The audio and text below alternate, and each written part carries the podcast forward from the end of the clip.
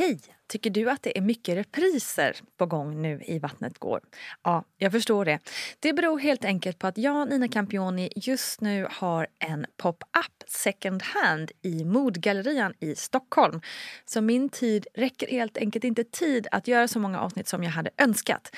Men tills jag är tillbaka på full tid, kom gärna och hälsa på mig i Modgallerian. Vi ses!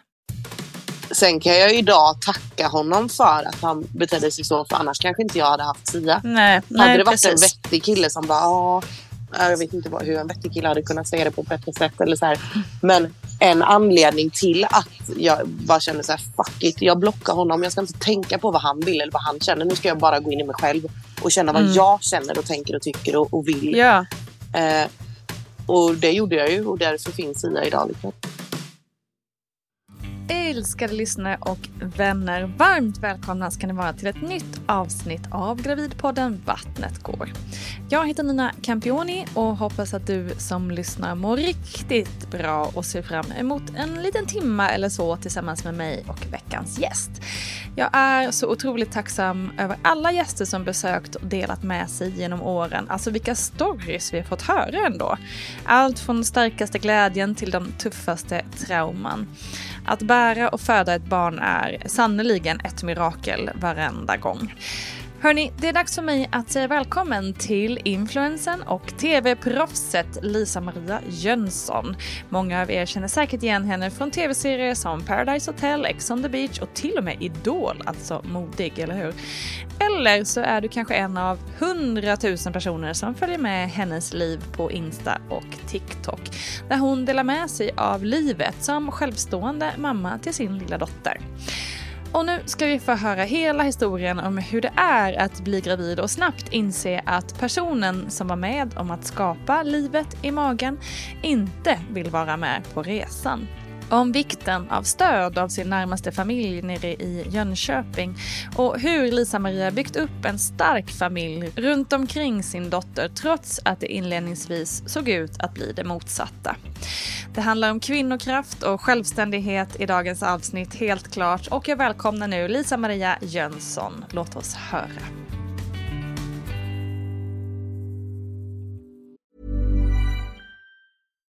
Here's a cool fact a crocodile can't stick out its tongue. Another cool fact you can get short term health insurance for a month or just under a year in some states.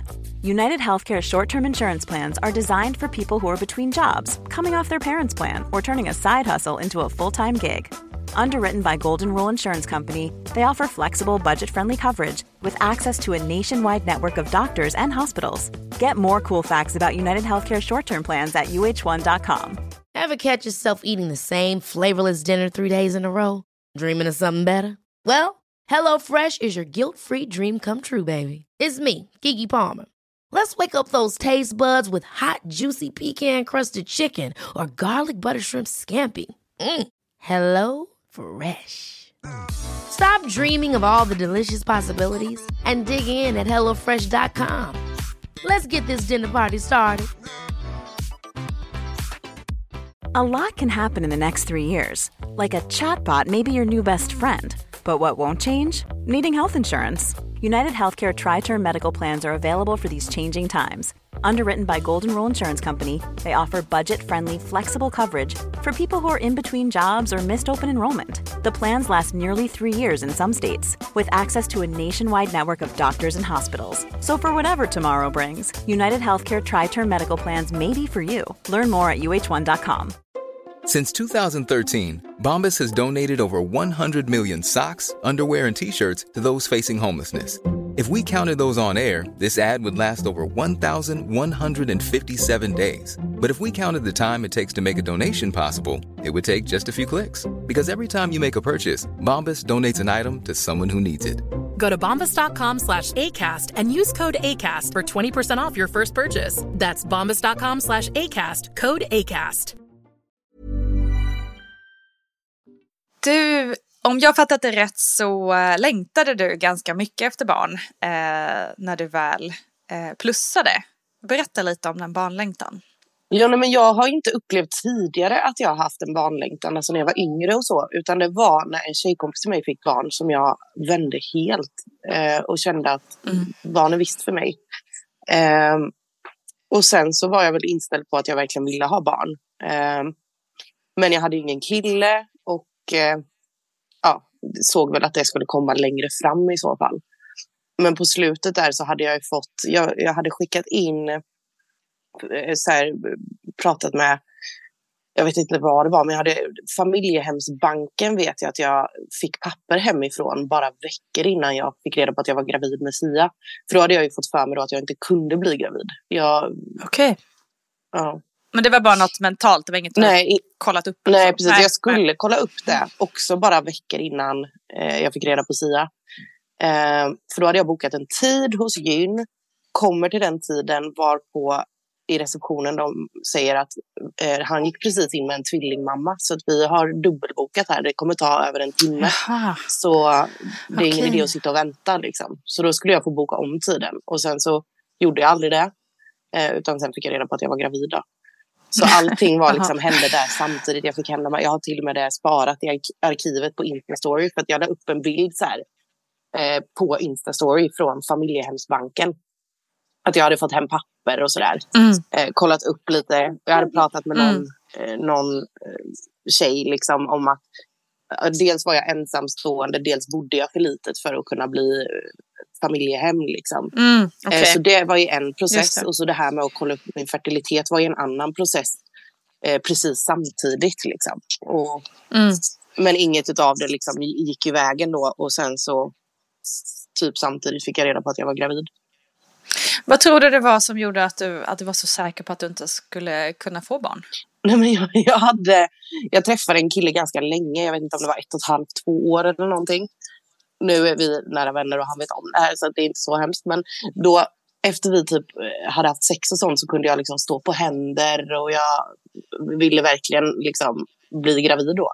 Mm. Eh, men jag blev aldrig det på de här två åren.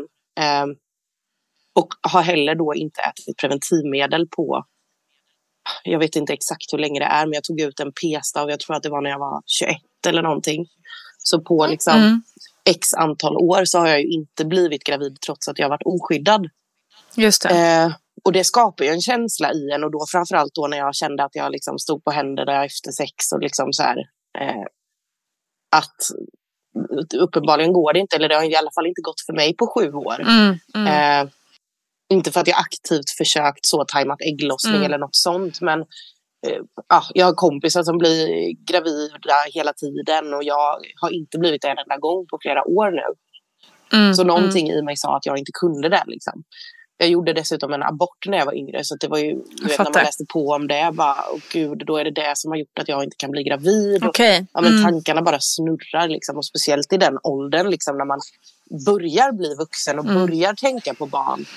Eh, och känna att det kanske inte kommer gå för mig. Och, och efter de här två åren med den här killen då, så kände jag ju definitivt att det inte kommer gå. Mm. Nu kan det ju bara varit Mm. liksom, ja, jag vet inte. Men sen så, jag har ju också en sån sak som jag inte har kollat upp. Men nu sen, alltså, jag har ju mens ungefär tre gånger per år. Istället för tolv. Okej, ja ja. Eh, Ja, Jag fattar. så antagligen, det är också en egen diagnos, men antagligen har jag ju någon PCOS eller vad, PCO eller Mm. sådär. För det är ju inte, det är inte normalt att man bara har mens tre gånger per år. Och det är någon, så är Mm. det folk som säger, det är nog Mm. för att du är stressad. Och ja, har jag varit stressad varje år i tio år då? Och nu efter Sia så ja. trodde jag, för då kom ju liksom, då fick jag avslag och sen fick jag mens bara alltså någon månad senare. Jag bara yes, nu kanske det eh, återställs liksom. Men nu återigen är jag tillbaka till Mm. mens oftare i och för sig. För nu har jag mens varannan, var tredje månad ungefär. Så jag har ändå Okej. haft det, ja men nu tror jag att jag har haft det fem gånger sen liksom Mm. Mm. förra sommaren eller något sånt där. Men det är fortfarande betydligt mindre än vad, vad man ska ha. Så det var ju också såklart en, en liksom Ja, anledning till att, att jag funderade över det. Mm. Ja, men såklart, jag fattar det. Eh, men det där är ju så himla intressant. Jag, jag känner igen mig i det för jag gick också Um, när jag väl också insåg att jag ville ha barn så var det också så här, men gud, hur är det möjligt att jag inte har varit gravid än på alla de här åren av liksom singelliv, förhållande, allt möjligt och, och, och verkligen aldrig någonsin varit gravid. Så jag var också ganska övertygad om att det kanske inte kommer gå. Um, så att det, men det blir också lite intressant om man ser på så sexualundervisning och den information som man får till sig som ung. Då är det ju verkligen, ja men ligger du med någon så blir du gravid ungefär. Uh, så att det blir ju, ja, så är det ju alltså inte kan Nej. vi komma överens om. Nej, så är det inte. Inte. Vad var känslan då när du, eh, när du upptäckte att du var gravid? Nej, men jag blev jätteglad. Jag vet att jag hade under de här åren som jag hade liksom varit oskyddad och med den här killen då som jag var med eh, så tog jag ändå relativt ofta graviditetstest. Liksom. Mm. Och de var ju alltid negativa gång på gång på gång på gång på gång. Och det var inte så att jag blev överledsen. Liksom, för det var inte så att, vi planerade, eller så att jag planerade ett barn. så. Men sen så när det väl, jag hade bara en, en konstig känsla i kroppen. Det var bara så här, gud, okej okay, nu har inte jag haft mens på tre månader och jag låg ju faktiskt med honom för, ja, vad det nu var då. Ehm, mm. Så då tog jag ett graviditetstest och det visade positivt direkt. Liksom. Och då blev jag alltså, okay. jätteglad. Det var som att, mm. jag vet inte, det var ju alla de här känslorna. Bara, gud, jag kan bara det. Just det, eh, lättnaden liksom. Exakt. Och om jag vill så kan jag nu. Alltså så här, jag kan vara mamma om nio månader om jag beslutar mig för det. Liksom. Eh, mm. Så det var väl bara allt som släppte och jag bara grät. Jag ringde till en tjejkompis och sen ringde jag till mamma och bara grät. Jag bara mamma jag är gravid. Alltså glädjetårar liksom. Mm. Ja. Så jag var absolut inte ledsen på något sätt. Och jag tror att där och då så övervägde jag liksom, så här, jag, jag var ju tvungen att kolla igenom mina eh, möjligheter eller vad man ska säga. Jag bodde liksom mm. i en hotellägenhet på 28 kvadrat och eh, i en stad där jag inte har familj och eh, mm. ja, men, levde ett helt annat liv. Jag festade fyra gånger i veckan och liksom mm. eh, var inte alls där liksom rent. Jag hade precis börjat plugga också. Jag fick reda på det här i okay. oktober. Jag började plugga sista augusti liksom. Så jag hade pluggat Just det.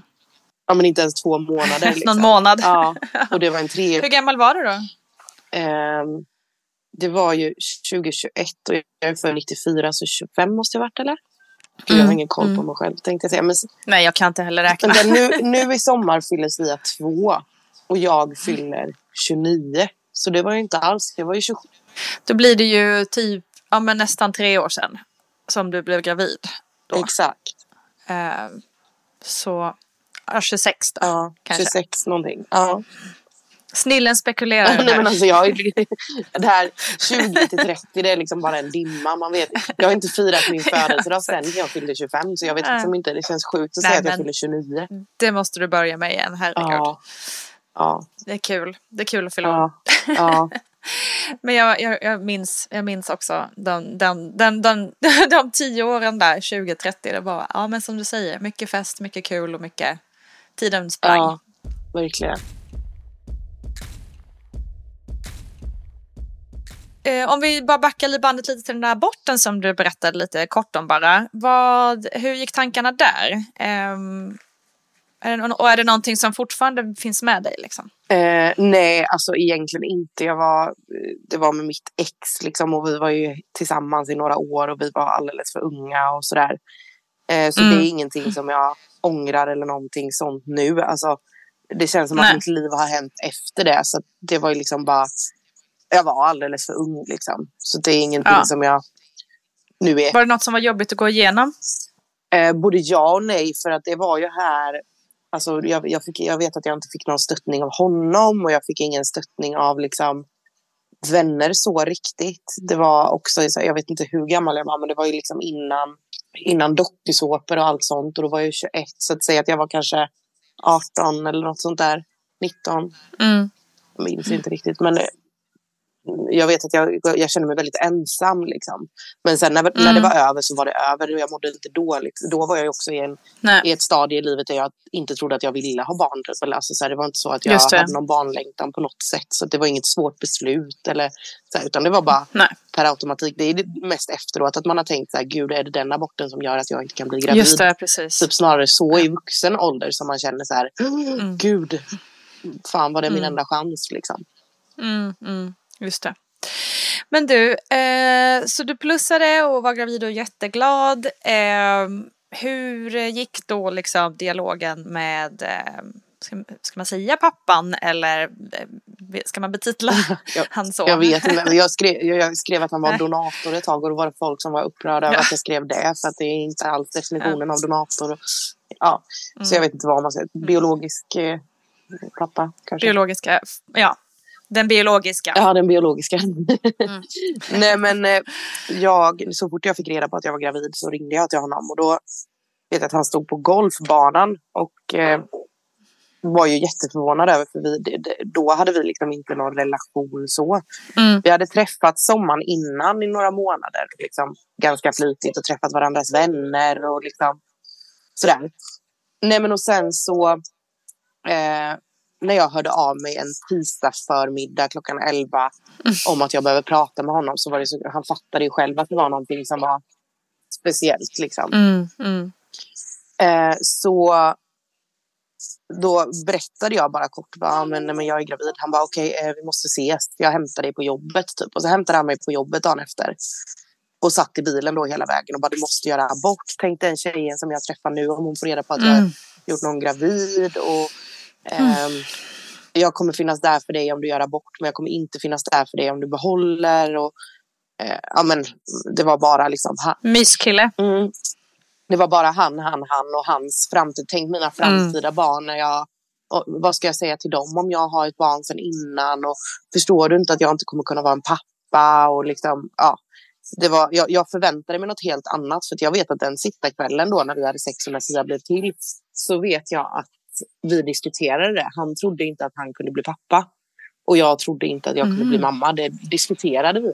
Liksom. Och ändå så väljer, väljer, han, väljer man att komma med. Men eh, ja, så det var... Sen så smsade vi lite och sen så blockade jag hans nummer och så har vi inte hört. Så det var ju i graviditetsvecka sju. Så det var ju alltså Ja. någon gång i oktober 2021. Mm. Och nu är det mars 2023. Så det har ju gått alltså... Ja.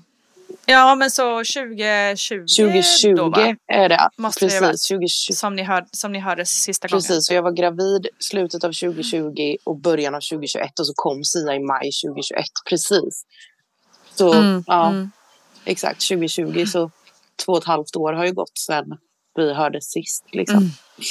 Sen efter det så har ju familjerätten har ju jagat honom i tio månader. En advokat har jagat honom och sen till slut så fick vi så här om det inte går att ta ett DNA från tingsrätten då ett tingsrättsbeslut. Om det inte går att ta DNA-test så erläggs det ett vite om 2000 kronor. Och då gick ju Mm. jag och DNA-testade mig, Sia DNA-testade sig och även han då till slut.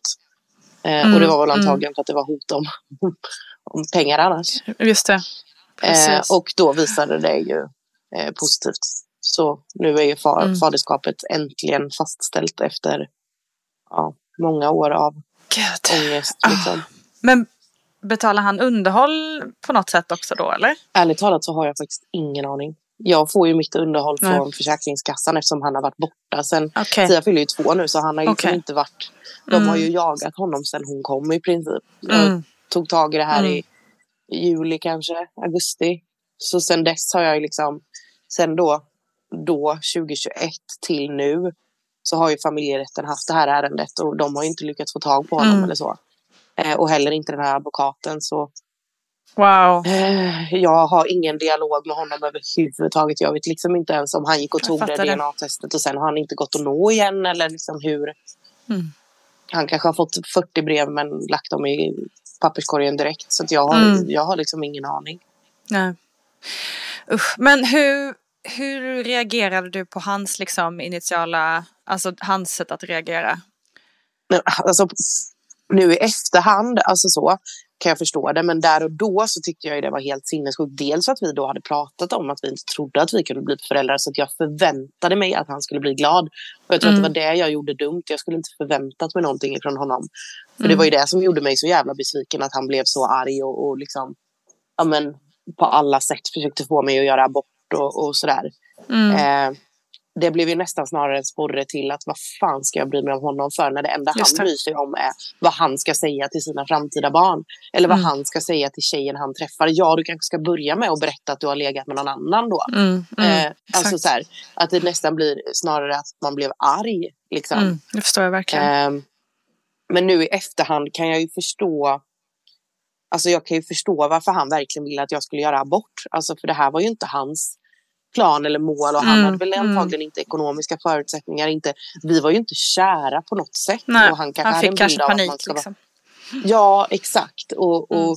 det är så här, ja, alltså att typ tvinga någon i en, in i en föräldraroll, det, det, ska, alltså, det har jag ju aldrig försökt med eller det har jag aldrig gjort. Men det blir ju ändå lite så. Mm, Eh. Samtidigt som han också, alltså så här, ja, sexualundervisning, man vet hur barn blir till. Och väljer man då att inte skydda sig, ja, men då får man kanske skylla sig själv. Liksom. Mm.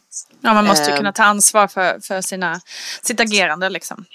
Ja, men och, och han visste ju vad jag stod i det här. Jag vet att Mm. jag fick ett sms från honom bara liksom eh, då när vi sms-bråkade där. Jag har faktiskt det smset. Eh, Det står typ så här. Eh, ehm, jag, jag, jag skulle gått därifrån när du berättade om att du ville bli ensamstående mamma och flytta utanför stan. Skrev han liksom i sms till mig. Så jag har ju uttryckligen sagt till honom så här. Ja, men min dröm är att bli ensamstående mamma och flytta lite utanför stan och bara leva familjelivet. Liksom. Mm. Och det är ju precis det jag gör idag. Men Mm. efter att jag har sagt de här sakerna, då väljer han att komma i mig. Liksom. Just det, exakt. Eh, så, så å ena sidan kan jag förstå det. Å andra sidan så tycker jag att det är mest klantigt av honom att faktiskt, alltså inte då, alltså men på något sätt försöka skydda det. Alltså så här, i alla fall inte komma i mig eller i alla fall liksom, du vet, Mm. kondom finns, alltså så här, det, Mm. det finns ju sätt liksom, även om inte han kan alltså, gå på preventivmedel liksom.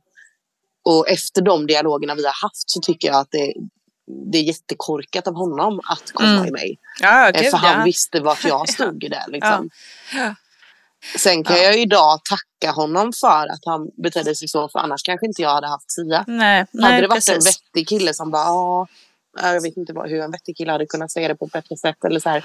Men en anledning till att jag bara känner så här, fuck it, jag blockar honom. Jag ska inte tänka på vad han vill eller vad han känner. Nu ska jag bara gå in i mig själv och känna vad Mm. jag känner och tänker och tycker och, och vill. Ja, Eh, och det gjorde jag ju och därför finns Sia idag. Liksom. ja, exakt.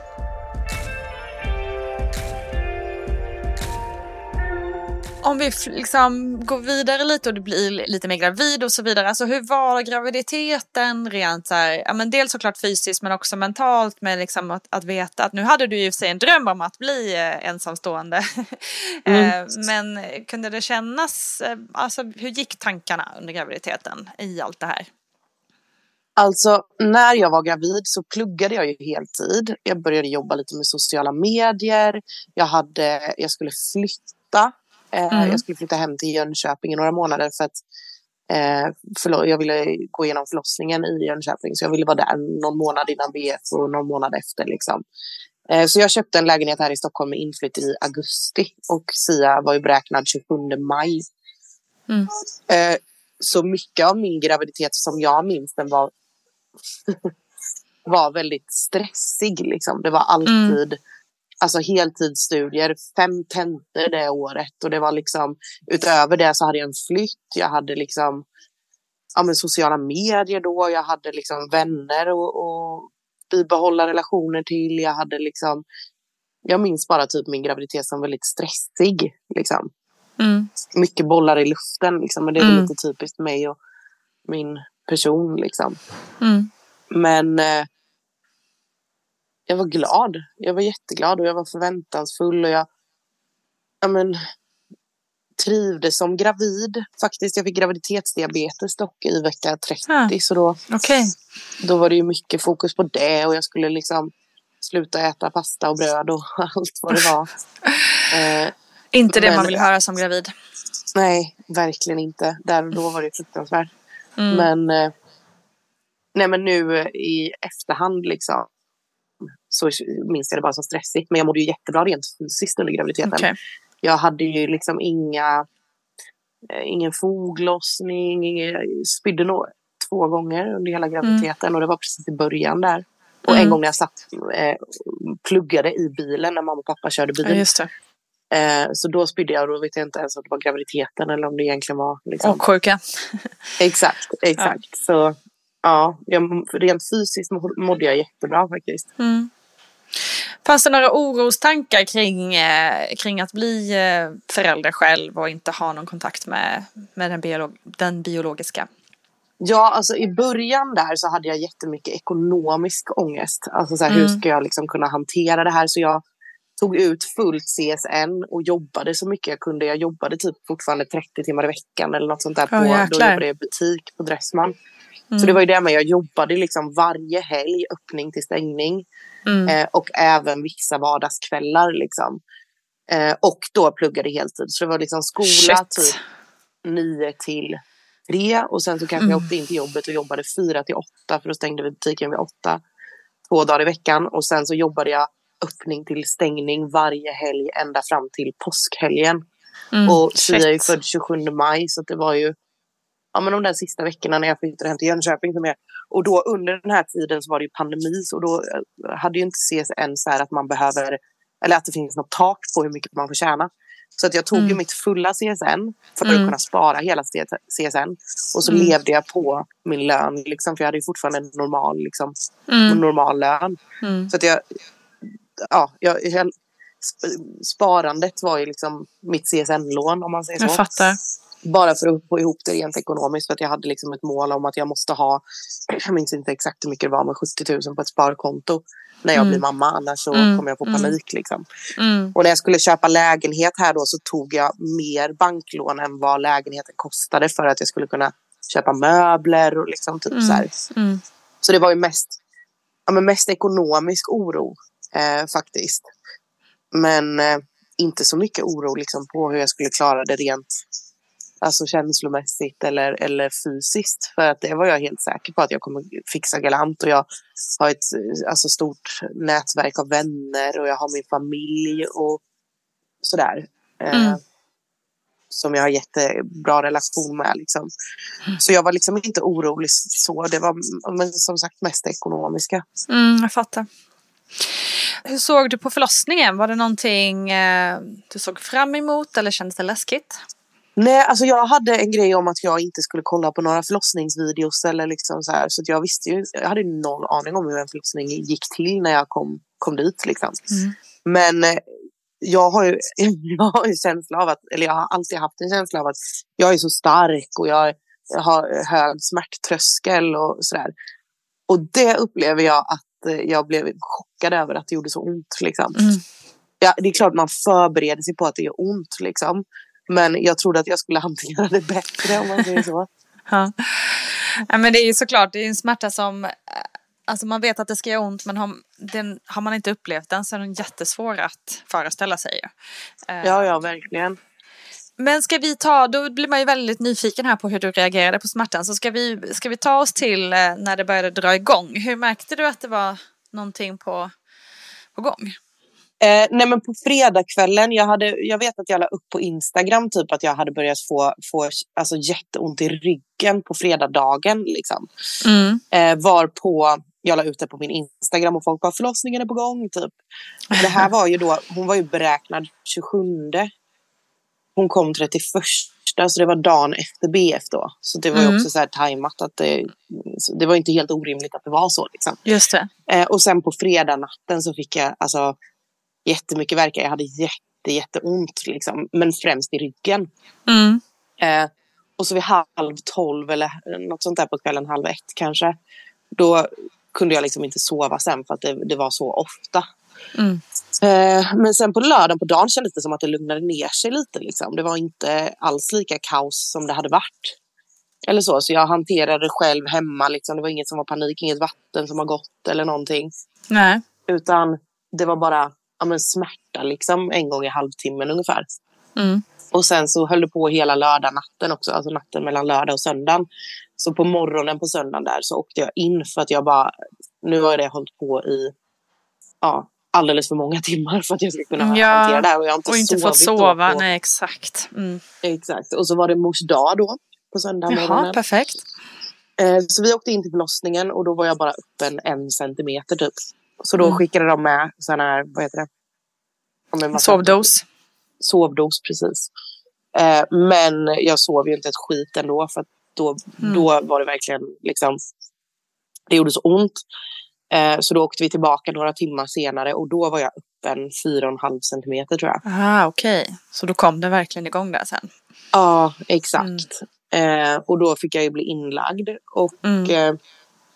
Då, jag vet att jag, jag i första, jag hade sagt liksom i och med att jag inte hade någon erfarenhet av förlossningar eller något sånt där så sa jag bara ni får avgöra vad ni tycker att jag behöver för smärtlin, smärtlindring liksom. Och då testade vi med bad och akupunktur och lite så här i början. Eh, sån lustgas heter det så. Mm. Ja, precis. Lustgas. Eh, men sen så vid åtta på kvällen på söndagen, då hade jag ju alltså hållit på i alltså 48 timmar kändes det som. Inte Mm, liksom jag aktivt, verkligen. men, men jag hade ju inte sovit på 48 timmar liksom. Mm. Ehm, så då satte de in, halv åtta på kvällen satte de in epidural. Och så vid, jag tror att det står i min journal 10 över 8 så var jag öppen 10 centimeter. Åh jäklar. Ja, men det som var problemet med det då var ju att då, då kom ju inte krystfasen igång. Liksom. Just det. Eh, så jag fick ju inga krystverkar. Så först vid, om det var klockan typ ett på natten där, så fick jag krystverkar. Mm, Eh, okej. Så jag gick runt öppen 10 centimeter i fem timmar eller någonting. Mm. För att, antagligen på grund av epiduralen, jag vet Mm. inte, men gissningsvis därför.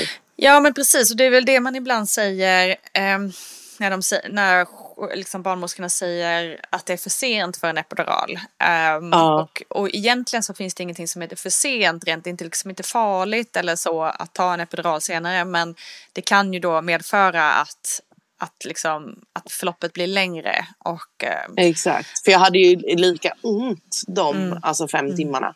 Det var inte så att det Okej. var skönare på något sätt. nej, nej, jag fick ingen fortfarande- vila liksom. Nej, nej, nej, nej, nej. verkligen Nej. inte. Det var inte så att jag låg och sov de fem timmarna. Utan det Nej, var ju fortfarande liksom aktiva verkar. Liksom. Mm, men, men, mm. men som de tidigare verkarna, inga liksom, krystverkar på det sättet. Just det. Ehm, nej, så det var ju lite jobbigt. Liksom, nu i efterhand hade jag önskat att vi inte satte in den där epiduralen. Eller att vi gjorde det tidigare. Liksom.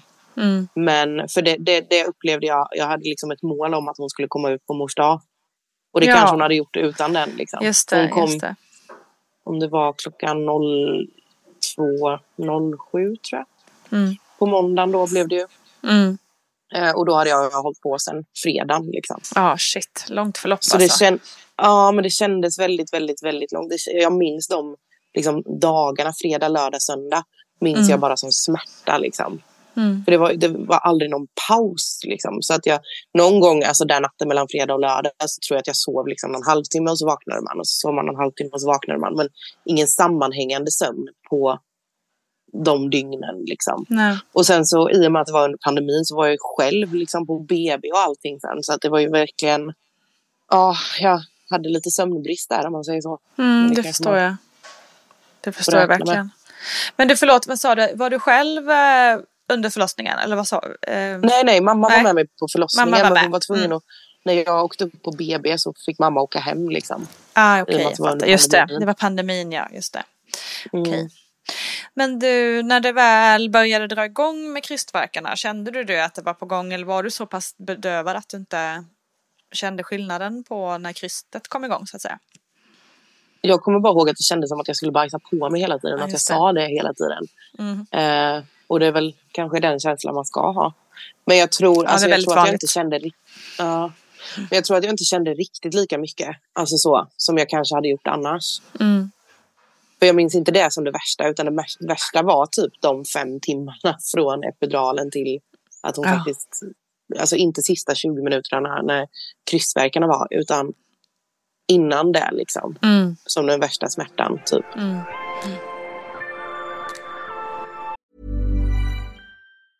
Quality sleep is essential. That's why the Sleep Number Smart Bed is designed for your ever evolving sleep needs. Need a bed that's firmer or softer on either side? helps you sleep at a comfortable temperature? Sleep Number smart beds let you individualize your comfort so you sleep better together. JD Power ranks Sleep Number number 1 in customer satisfaction with mattresses purchased in-store. And now, save 50% on the Sleep Number limited edition smart bed for a limited time. For JD Power 2023 award information, visit jdpower.com/awards. Only at a Sleep Number store or sleepnumber.com.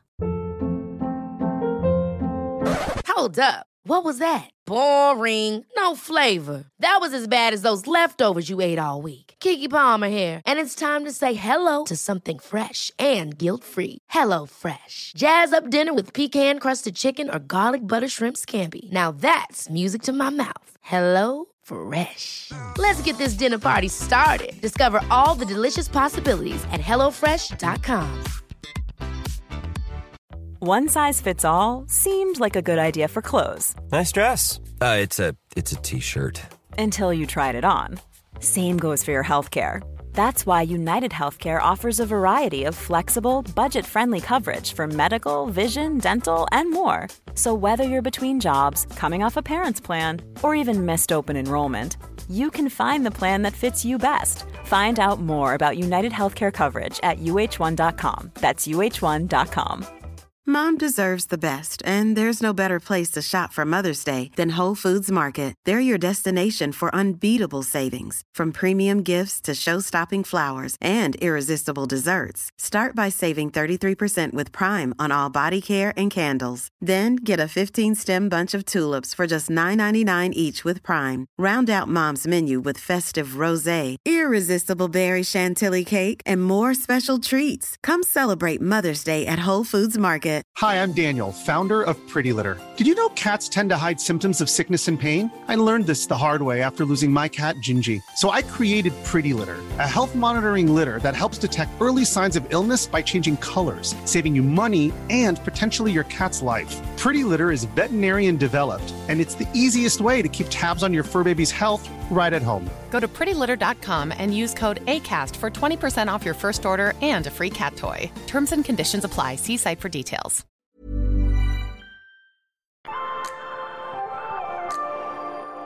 Hur var det då när hon, när hon började komma ut? Liksom? Men jag kommer ihåg att jag hade ju varit på så här rutinultraljud och fått reda på att det var en tjej. Men jag var så osäker för jag hade sån stark känsla av att det låg en kille i min mage och det hade jag Aha. fram till slutet. Så det första jag frågade mamma, jag bara Mamma är det en tjej, är det en tjej? Och frågade barnmorskorna, jag bara är det en tjej, är det en tjej? De bara du får se själv. Jag bara men nej, säg är det en tjej? Och sen så när jag, det första jag kollade var okej det är en tjej. Jag vet inte varför, men det var bara att jag hade fått för mig att jag hade en kille i magen. Jag hade till och med en kollega som hade köpt ett så här. Jag hade liksom ett killnamn och ett tjejnamn och killnamnet började på R och tjejnamnet började på S. Hon hade till och med köpt ett halsband med ett R på för hon också var Ah, så säker på att det var en så kille. på det. Ja, vad intressant. Ja. Men det var det inte. Det var det inte. Det var en liten S. Och vad var känslan då när du fick se henne och fick upp henne på bröstet? Nej, men jag var så glad. Jag var så lättad över att allting var över. Och Mm, jag var Gud, så... förstår det. Ja, nej, men jag var bara alltså, helt överväldigad kommer jag ihåg. Jag kommer ihåg att jag hade väldigt mycket ångest över att jag skulle ligga själv på BB då. Mm, Som det var under pandemin. Men såklart. ändå glad liksom. Nej men det kändes så stort liksom att så här, ja, men att man hade gått igenom allt det här ändå, ändå själv. Liksom. Såklart jag hade Mm. min mamma där och det var ju liksom världens bästa stöd. Men det kändes bara som att jag hade gjort det här. Liksom. Jag hade gått igenom den här graviditeten själv och jag hade Mm. gått igenom den här förlossningen. Mm. Och nu, ja, det var bara en mäktig känsla liksom. Exakt, det var ju verkligen så. Det var ju verkligen du. Eh, sjukt mäktigt. Eh, hur... Fanns det några liksom där när du, eh, när du var själv då eh, på grund av pandemin på BB, fanns det några Alltså, hade, kunde du ha kvar den här fan vad mäktig jag är känslan eller fanns det några tvivel eller var det någonting som kändes jobbigt i liksom shit nu är jag verkligen mamma och jag är själv. Eh, den typen av tankar liksom. Ja men så var det nog lite för att jag kände liksom, hon kom ju ut då klockan strax efter två på natten me- mellan Mm. måndagen och tisdagen. Mm. Och vi kom upp till BB kanske vid sex på morgonen eller någonting. Mm. Och då sov jag i några timmar. Och sen så, så sov jag en natt och sen åkte jag hem. Liksom. Mm, Alltså till mm. mamma och pappa då. För att jag kände mig nog ganska ensam. Mm. Eller så. Eh, så det var väl ett, alltså en, eh, ja, egentligen kanske man borde stannat där och, och sådär i och med att det är första barnet och, och, och så. Men jag kände mig nog väldigt ensam redan då. Så Mm. att jag var väldigt angelägen om att komma hem så snabbt som möjligt. Mm. Eh, och på något sätt var det skönt. Det gick ju jättebra hemma så det var ju liksom Ja. inga konstigheter så. Men eh, jag hade nog kanske inte varit lika stressad om det hade varit så att mamma hade fått komma dit om dagarna och hälsa på. Och du vet, så här. Nu Just var det så här, gud, stackars mamma också som fick se den här lilla varelsen tryckas ut och sen så var med henne i två timmar för att sen inte få träffa henne på fyra Mm. dagar. Liksom. Mm. Eh, och hon, mamma fick ju ta de här pappadagarna, så mamma var ju bara hemma och väntade på att vi skulle komma hem. Liksom. Så det var, jag, men sen så, så fort jag kom hem så kände jag mig mycket, mycket mindre ensam. Och som sagt, eftersom mamma tog de här dagarna så hade vi ett toppenupplägg att jag sov med henne på nätterna då eftersom jag ammade där i början. Och sen så på morgonen vid sex eller någonting när hon vaknade och ville gå upp, liksom, då tog mamma henne sex till Mm. tio så att jag fick sova där på morgonen. Och, Perfekt. sådär. Så jag var ju liksom inte helt själv. Jag hade ju mina Nej, föräldrar. du hade ditt upp, gäng. Liksom. Exakt. Pappa fixade med maten och, och handling och allt sånt. Och mamma tog henne på morgonen. Mm. Så att jag fick sova lite. Och jag tog henne liksom all övrig tid. Hon Fan vad ammade fint. Liksom. Ja. Ja, Man verkligen. blir Vi- helt eh, tårögd av, av sånt stöd. Och Ja. att ha sånt support system är otroligt bra. Ja, verkligen. Ja, jag är så tacksam över det. Och det har jag ju alltid haft från mina föräldrar, men än mer nu sen jag fick Mm. barn. Liksom. Mm. De, när jag flyttade upp hit så kom de raka vägen upp och hjälpte mig med lampor och allt vad det var. Och nu när jag ska flytta kommer mamma hit och det är ändå 35 mil Stockholm. Mm. Eller 32 kanske det är, men ja, 32 mil är det nog. Eh, och de kommer ju så fort jag ber om det liksom. Mm. Och Mm. vill att jag kommer hem hela tiden och, och sådär. Så att det är jag verkligen, jag, jag hade inte klarat det utan mina föräldrar om man säger så. Nej. De har ju varit allt och lite till på alla plan liksom. Underbart. Mm. Hur mådde du eh, de första veckorna efter, graviditet, liksom efter förlossningen? När du kommit hem och sådär. Kändes det, var det någonting som var jobbigt eller eh, alltså rent så fysiskt då, eller emotionellt och, och så? Eh, nej men jag mådde ändå väldigt bra minns jag. Jag tyckte att eh, amningen var jättejobbig. Jag tror att jag ammade typ 23 timmar per dygn första Ah, två shit. veckorna. Liksom. Mm. Eh, jag vet att när BVC-sköterskan var där på hembesök första gången, då kan ha bara varit några dagar gammal. Då, alltså hon hann knappt liksom mäta och väga henne för att eh, hon liksom började skrika och jag satte henne på patten direkt. Hon märkte hur stressad jag var med det här. Mm. För det mm. enda som fick henne lugn var liksom bröstet.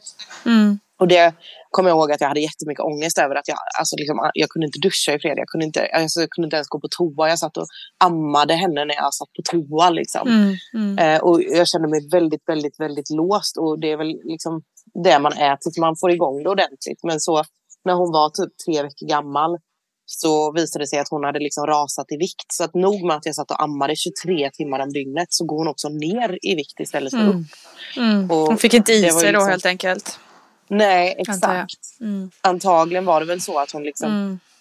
Antagligen var det väl så att hon inte fick i sig eller att jag hade dålig mjölk eller någonting. Jag vet inte vad det var. Men vi, för jag tyckte att det liksom, alltså du vet när jag hade sån här, hade jag någon t-shirt eller någonting så var det liksom genomläckt. Så det var inte så att jag Mm. inte hade mjölk liksom. Eh, men ja, det funkade bara inte. Jag körde med såna amningsnapp och allt möjligt för att försöka få till det. Mm. Men eh, det verkade liksom inte funka. Fick du något då- stöd i det av BVC liksom? Ja, Någon de hjälp? sa direkt, Mm. vi kommer ge, eller vi, vi tycker att det bästa är att du ger henne ersättning liksom. Mm. Eh, I alla fall, en, alltså typ, jag tror att det var tre gånger så här. Då var det väldigt lite, det var ju supersmå mängder. Men att jag antingen efter amning eller liksom innan amning ge henne eh, lite Mm. ersättning. Och då, liksom, jag tror att det var första dagen, så gav jag henne de här 60 milliliter eller vad det var, inte ens det i början där. Och hon var liksom glad och nöjd i tre Mm, timmar. ja, just det. Hon blev mätt Så efter- liksom. Mm. Exakt, så efter det så var det liksom som något... Jag försökte sitta och mysamma lite men det, var, det, det alltså, sållades ju ut ganska fort. För Mhm. jag fick ju en helt annan... Alltså, ja, men bara att jag kunde ta en dusch i fred utan att hon gallskrek utanför. Att hon kunde ta en vagnpromenad. Det hade liksom inte hänt de första veckorna för att hon fick panik så fort hon inte fick vara vid bröstet. Liksom. Eh, och varje gång liksom, ja, men om, någon, om någon skulle komma och hälsa på eller så här, det var ingen som kunde hålla henne för att hon kunde vara borta från mig i 30 sekunder, sen var det färdigt. Liksom. Sen var hon skitarg.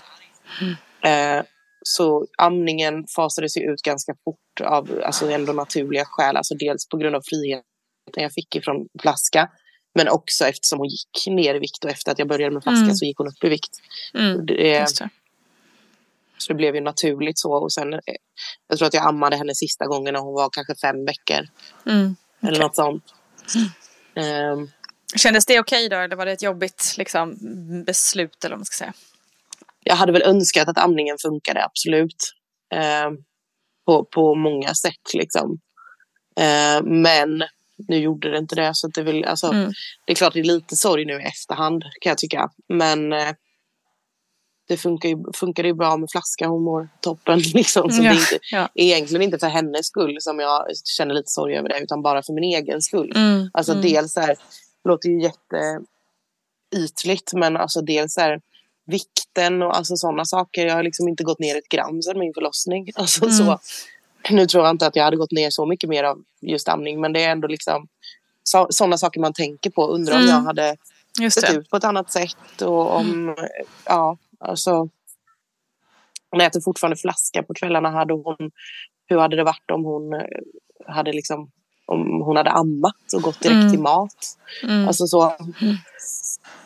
Lite om, är om, lite- och, om och men liksom, lite sådär som man tänker på i efterhand. Ja men precis och sen så Ja. har man, eller jag hade nog en bild av att jag skulle amma.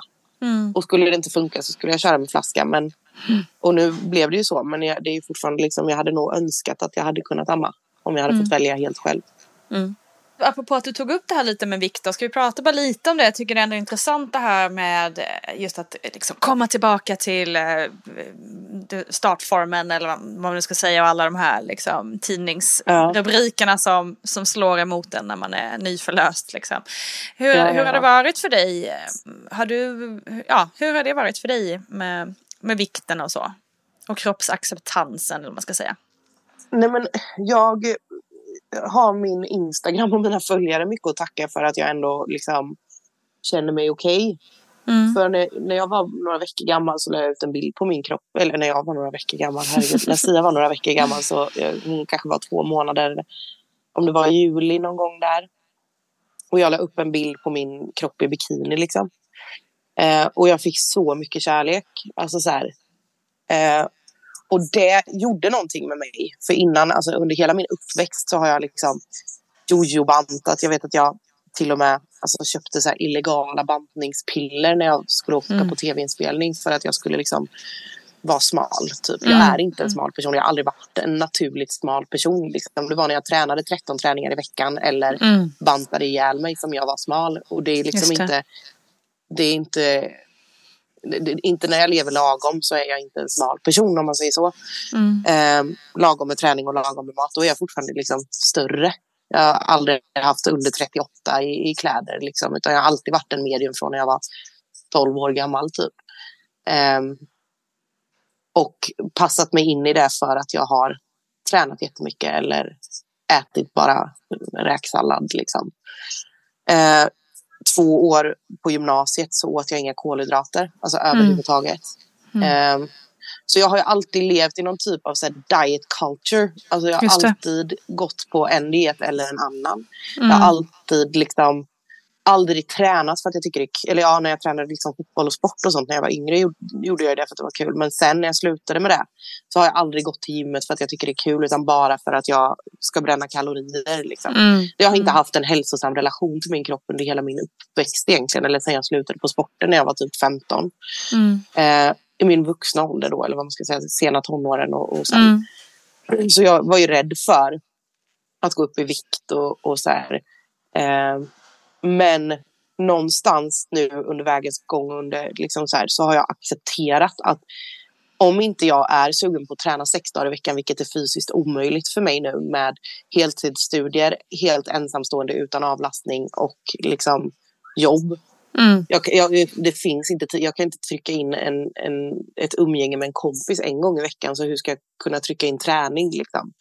Jag kommer inte kunna lösa det. Då får jag sluta plugga eller sluta jobba eller anställa en nanny. Liksom.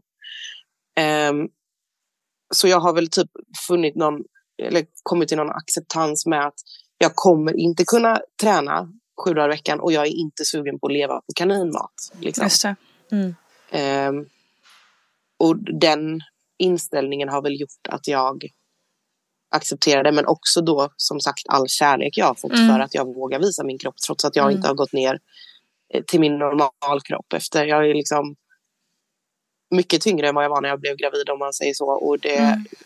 trodde jag skulle störa mig jättemycket med tanke på min erfarenhet av liksom jojo-bantning och, Mm. och ång- kroppsångest. Liksom. Men nu, i, alltså, nu när det väl är som det är, att jag, är, Mm. att jag inte har gått ner i vikt, liksom, så tycker jag ändå att det känns okej. Mm. Ja, härligt att höra.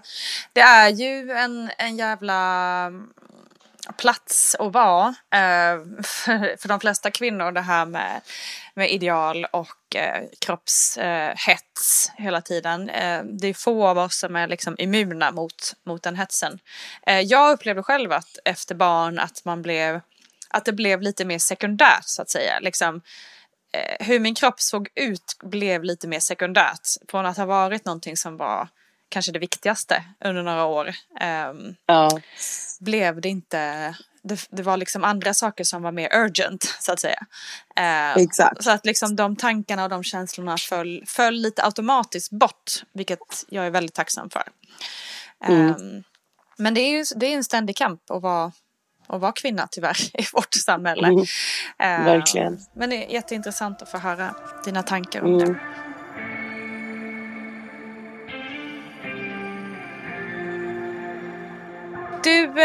Det har varit jättespännande att höra om din förlossning och graviditet. Har du någonting, något, något tips eller något medskick som du vill skicka med om det är någon som sitter och lyssnar nu som kanske är gravid just nu? Nej men eh, mest typ att eh, våga be om hjälp. Mm. Eh, hade jag behövt höra oftare där i början. Liksom. Mm. Jag skulle flytta själv och jag skulle börja plugga och jag skulle, jag skulle lösa precis allting själv. Mm. Men de flesta människor har både familj och vänner som står och liksom står på helspänn för att få komma in och steppa in och, och vara barnvakt för att man ska få gå och träna eller Mm. vara barnvakt för att man ska få duscha i fred och ha en ansiktsmask en hel kväll. Jag har varit, alltså, förutom när det kommer till mina föräldrar så har jag varit ganska dålig på att fråga om, Mm. om hjälp liksom, Mm. generellt. Och när jag väl har gjort det så har jag bara, åh gud kan man må så här? Kan jag vara liksom, ja, men, ä- även nu när jag säger lite äldre, liksom, att ja, men någon dag så mådde jag skitdåligt. Jag hade liksom ont i magen och jag mådde skit. Och min tjejkompis bara, dumpa barnet här och så kommer du och hämta henne mot beskrivning när du känner för det. Liksom. eh, eh, och så gjorde jag det. Och jag bara, den dagen, jag bara åkte och köpte mat, satt och åt, la, la mig och vilade en timme. Mm. Liksom. Mm. Jag har inte gjort det på flera år. Liksom. Mm. Eh, och jag kände mig som världens bästa förälder sen på kvällen när jag var med Sia. Mm. För att jag fick några timmar att bara vara Lisa. Liksom. Just. Eh, och jag har inte varit bara Lisa särskilt mycket sen Sia kom. Eller sen Mm. graviditeten egentligen. Eh, men när jag väl får vara det så är jag ju också en bättre mamma till Sia. Mm. Så, Så bra. våga Det- be om hjälp. Ja, jättebra. Och det är precis som du säger så, så står nog de flesta med öppna armar och kommer med eh, hemlagad mat eller vad det än kan vara. Men det är, det är också en grej som är så här med vårt samhälle idag att det, det har blivit så himla individualiserat och att man inte, man ska klara sig själv. Eh, Ja. På något vis som ju är jättedumt egentligen. Eh, Ja. Så superbra. Ja, men inte så, men framförallt vi kvinnor. Vi ska liksom, till skillnad från förr när man var typ hemmafruar, så ska Mm. vi nu också göra karriär. Vi ska ta hand om hela hemmet. Vi ska eh, ja, göra allt som behöver göras. Gå till BVC, gå på egna tandläkarbesök och boka resor och vi ska fixa inför kalas, ordna presenter. Vi ska i mitt fall då plugga heltid. Mm, Eh, vi ska också jobba. Eh, och samtidigt ska vi vara både 100% mamma och 100% oss själva. Mm. Det, alltså det är helt fysiskt omöjligt utan hjälp och gärna avlastning. lyckliga och glada också. Exakt, och inte stressade för det leder mm. till att man inte klarar någonting. Liksom. Mm. Så i, verkligen så, alltså, kan man ta hjälp så ska man ju göra det. Liksom. Sen i, i, i, många fall så är man ju två liksom, och kan avlasta i vardagen. Men även i de fallen så behöver mm. man ta hjälp. Liksom. Absolut. Få gå på en dejt tillsammans. Få ligga och titta på en serie en hel dag som föräldrar som man inte mm. har gjort på sen barnen kom. Liksom. Alltså, våga be om hjälp för att det finns verkligen folk som kommer vilja hjälpa. Mm. Mm. Urbra. Tusen tack Lisa, det har varit så intressant att höra mm. den här mm. berättelsen. Stort, stort tack till dig Lisa Maria Jönsson. Vilken otroligt stark berättelse. Jag blir väldigt imponerad av dig och kvinnor där ute som fan i mig klarar allt som kommer i er väg.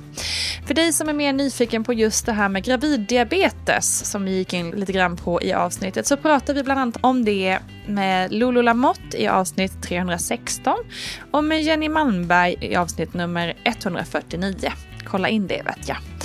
Du hittar såklart Lisa Maria också på Instagram och TikTok och där finns naturligtvis också Vattnet går. Så stig genast dit vet jag. Tack för att ni har lyssnat kära ni. Ni är verkligen bäst. Senare i veckan snackar vi mer med Lisa Maria om livet som självstående mamma och tankarna framåt i Barnet går. Ha en underbar dag nu. Stor kram. Hej på er!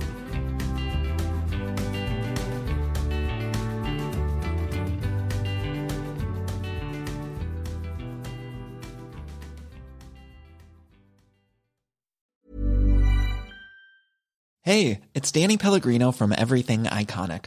Ready to upgrade your style game without blowing your budget? Check out Quince. They've got all the good stuff shirts and polos, activewear, and fine leather goods, all at 50 to 80% less than other high end brands. And the best part? They're all about safe, ethical, and responsible manufacturing. Get that luxury vibe without the luxury price tag. Hit up quince.com slash upgrade for free shipping and 365 day returns on your next order. That's quince.com slash upgrade. Ever catch yourself eating the same flavorless dinner three days in a row? Dreaming of something better? Well, HelloFresh is your guilt free dream come true, baby. It's me, Gigi Palmer. Let's wake up those taste buds with hot, juicy pecan crusted chicken or garlic butter shrimp scampi. Mm. Hello Fresh. Stop dreaming of all the delicious possibilities and dig in at HelloFresh.com. Let's get this dinner party started. Mom deserves the best, and there's no better place to shop for Mother's Day than Whole Foods Market. They're your destination for unbeatable savings, from premium gifts to show-stopping flowers and irresistible desserts. Start by saving 33% with Prime on all body care and candles. Then get a 15-stem bunch of tulips for just $9.99 each with Prime. Round out Mom's menu with festive rosé, irresistible berry chantilly cake, and more special treats. Come celebrate Mother's Day at Whole Foods Market. Even when we're on a budget, we still deserve nice things. Quince is a place to scoop up stunning high-end goods for 50 to 80% less than similar brands. They have buttery soft cashmere sweaters starting at $50, luxurious Italian leather bags, and so much more. Plus, Quince only works with factories that use safe, ethical, and responsible manufacturing. Get the high-end goods you'll love without the high price tag with Quince. Go to quince.com/style for free shipping and 365-day returns.